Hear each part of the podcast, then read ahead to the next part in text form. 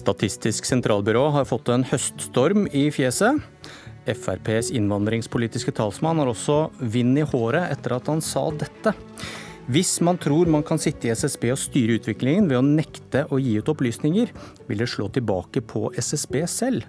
Da må vi bare spekulere i at tallene er så stygge at man ikke kan utlevere de.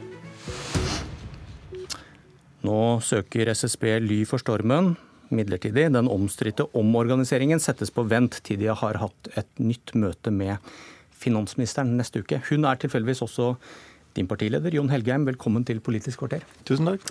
Som innvandringspolitisk talsmann i Fremskrittspartiet har du også sagt til Minerva ledelsen ved SSB har ved ord og handling gjort ting som svekker tilliten til at de faktisk ønsker å belyse alle sider ved innvandringen.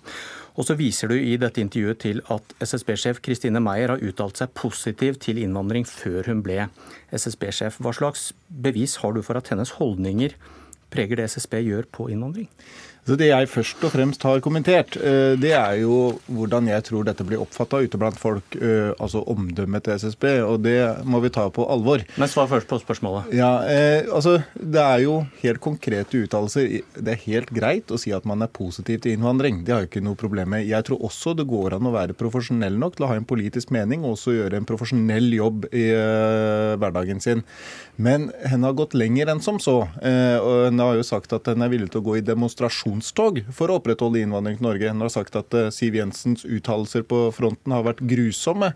Og Hun sa også senest i år at eh, hun eh, syns at innvandrerregnskap var et sårt punkt hen, som henne hadde nekta å si ja til hvis henne kunne bestemme det. Det er å gå litt lenger.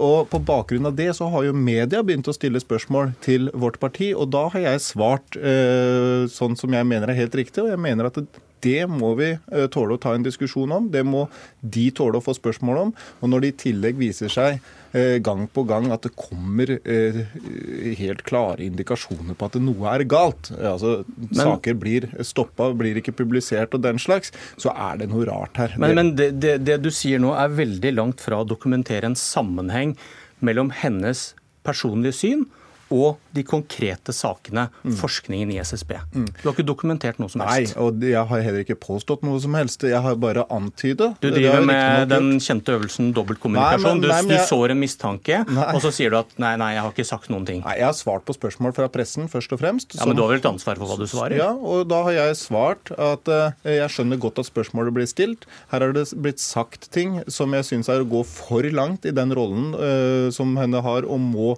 beholde politisk nøytralitet.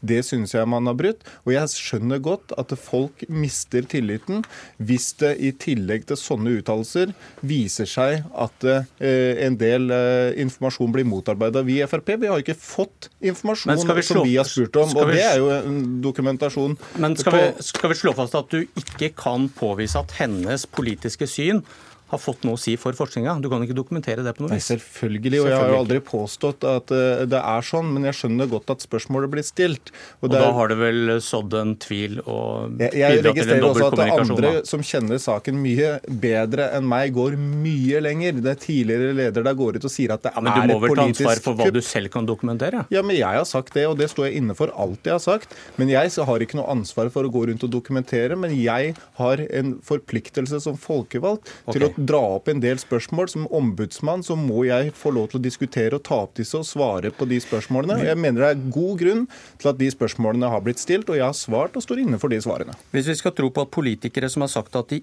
ikke tror på menneskeskapte klimaendringer, at de følger regjeringsplattformen, så må vi kanskje også kunne tro på at en SSB-sjef klarer å legge fra seg personlige meninger på jobben? Ja, jeg sier at det er fullt mulig å ha en politisk mening og fortsatt være profesjonell. Men når det i tillegg ved handling, eh, sånn som vi har sett i det siste, viser seg at det er grunn til å stille disse spørsmålene, ved at vi eh, Frp f.eks. ikke får statistikk på kriminalitet og landbakgrunn Dere fikk vel det, gjorde dere ikke det? da? Nei, det har vi fortsatt ikke fått. Men de har sagt at dere skal få det? Ja, men nå har det gått veldig lang okay. tid. Og dette her ser ut som trenering eh, for vår del. Og dette har vi påpekt en rekke ganger ganger. Men jeg registrerer at andre fra andre partier og fra forskermiljø har gått ut og sagt at det er et politisk kupp, og at de ikke har tillit og den slags. Jeg har sagt at jeg har faktisk tillit, men jeg skjønner at folk begynner å lure når det kommer så mange saker som kan se rare ut. Vi skal høre med en på, som forsker på feltet. Arnfinn Midtbøen, du forsker på innvandring og integrasjon ved Institutt for samfunnsforskning. og Hvorfor har du reagert på det Helgheim har sagt? Vel, altså, eh, Helgheims uttalelser falt i en diskusjon om omorganiseringen av SSB som nå eh, ruller for fullt. Eh, og, og, jeg opplevde at hans uttalelser eh, kunne forstås sånn at at eh, omorganiseringen av SSB på en måte er drevet av et ønske om å fjerne brysomme forskere, eller at SSB ønsker å skjule statistikk eller bestemte tall som kan slå negativt ut for innvandrere for offentligheten. Eh, og det mener jeg å gjøre det for enkelt. Jeg, SSB produserer altså statistikk om innvandring og innvandrere i Norge av et omfang og en kvalitet og et detaljnivå som de fleste land i verden kan misunne oss.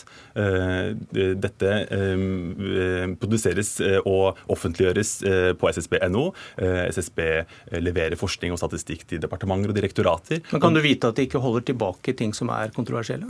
Personlig har jeg ikke hørt om eller opplevd at, at de har holdt tilbake noe statistikk som vi har bedt om eller ønsket oss selv, når det er helt opplagt at deler av de konklusjonene eller analysene vi vil gjøre, kan slå uheldig ut eller vise at innvandring også kan ha negative sider. Så eh, Når det er sagt, så eh, er jeg enig i den kritikken som er blitt reist mot SSB om at eh, det ofte tar for lang tid. For vår del så er det også altfor dyrt. Men å på en måte insinuere at det her er det et eller annet slags skjult spill om at man ønsker å, ønsker å holde noe tilbake for offentligheten, det tror jeg det er lite dekning for. Du nikker, men er du enig, Helga? Ja, altså, Jeg har uh, tatt opp uh, en, eller svart på en del problemstillinger. Jeg mener at kritikken mot SSB har vært uh, minst todelt, kanskje også tredelt. Det går på omorganiseringen og hvordan det har blitt gjort. Det går på hvordan SSB svarer for seg. og Det går på politiske uttalelser. Og ikke minst hva de har levert. Og som jeg nevnte, så har ikke vi fått de tallene som vi vet SSB sitter på. Vi fikk tall på skatt og landbakgrunn. Vi fikk alt vi ville ha fram til vi spurte om kriminalitet og landbakgrunn. Da sa det stopp, og det har vi fortsatt ikke fått. Det har vært en lang og tung prosess. Det tyder på trenering. og Det er jo med det i bakgrunn som jeg har uttalt meg.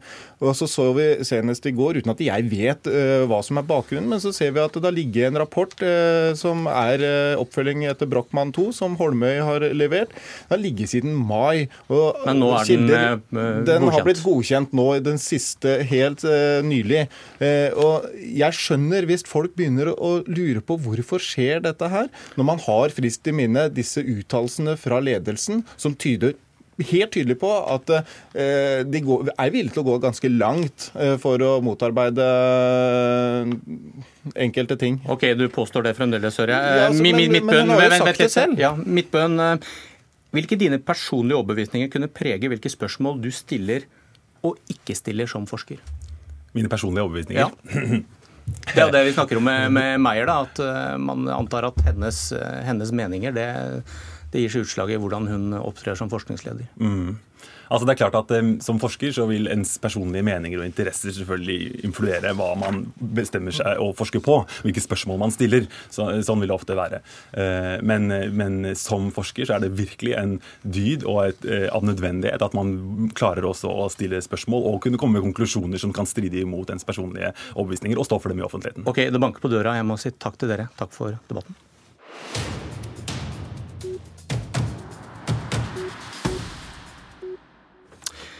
I morgen lander de første nye amerikanske jagerflyene Norge har bestilt. Audun Lysbakken, leder i SV, skulle du ønske at den dagen aldri kom?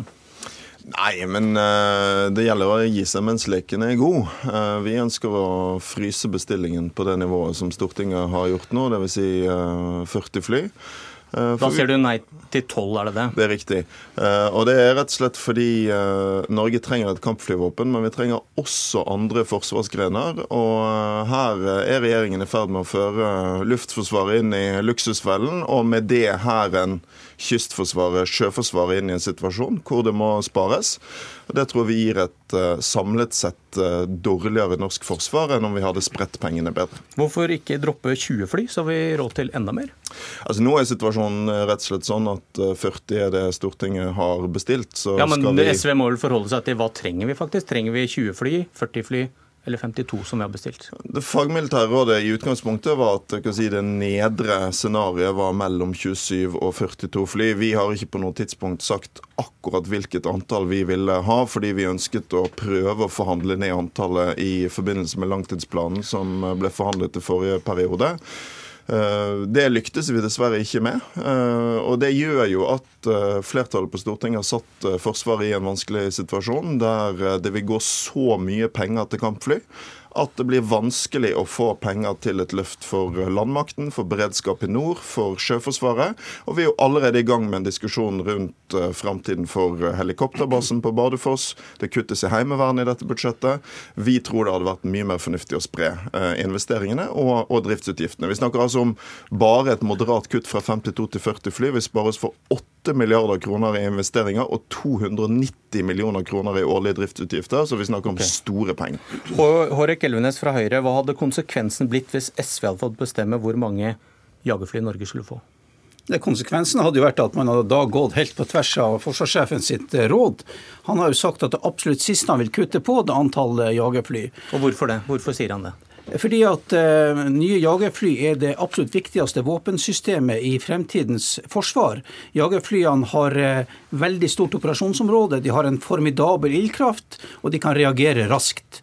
Uh, og Det er jo en årsak til at man nå tar sikte på å bestille 52 fly. Det ligger en veldig grundig analyse bak det. Du må ha et tilstrekkelig antall fly som kan gjøre et sett av arbeidsoppgaver, ofte i, i parallell. Du må ha et antall fly som kan kontrollere norsk luftterritorium, som skal kunne støtte allierte og norske sjø- og landstidskrefter i en tidlig krisesituasjon. Du skal ha et tilstrekkelig antall fly til å kunne operere en fremskutt base i nord, og du skal ha et tilstrekkelig antall fly for å kunne gi et eh, internasjonalt styrkebidrag på et størrelse med én skvadron. Dette er en veldig grundig analyse, og det gir tallet 52. Og Det som er interessant, det er jo det samme tallet som SV og de rød-grønne la fram i sin analyse i den forrige langtidsplanen, det sa også 52 fly. Så vi viderefører faktisk den politikken som SV fremma overfor Stortinget. Eh, Lysbakken, gjør flere fly det lettere å bidra i krig andre steder for Norge? Det sa jo Elvenes for så vidt eh, sjøl nå også. Det er klart at uh, Jo flere fly du har, jo mer kan du gjøre. Da prioriterer vi også Er det det dere er redd, for? Nei, altså vi, uh, dette, Vår politikk handler om to ting. For det første så mener vi at 40 fly er forsvarlig.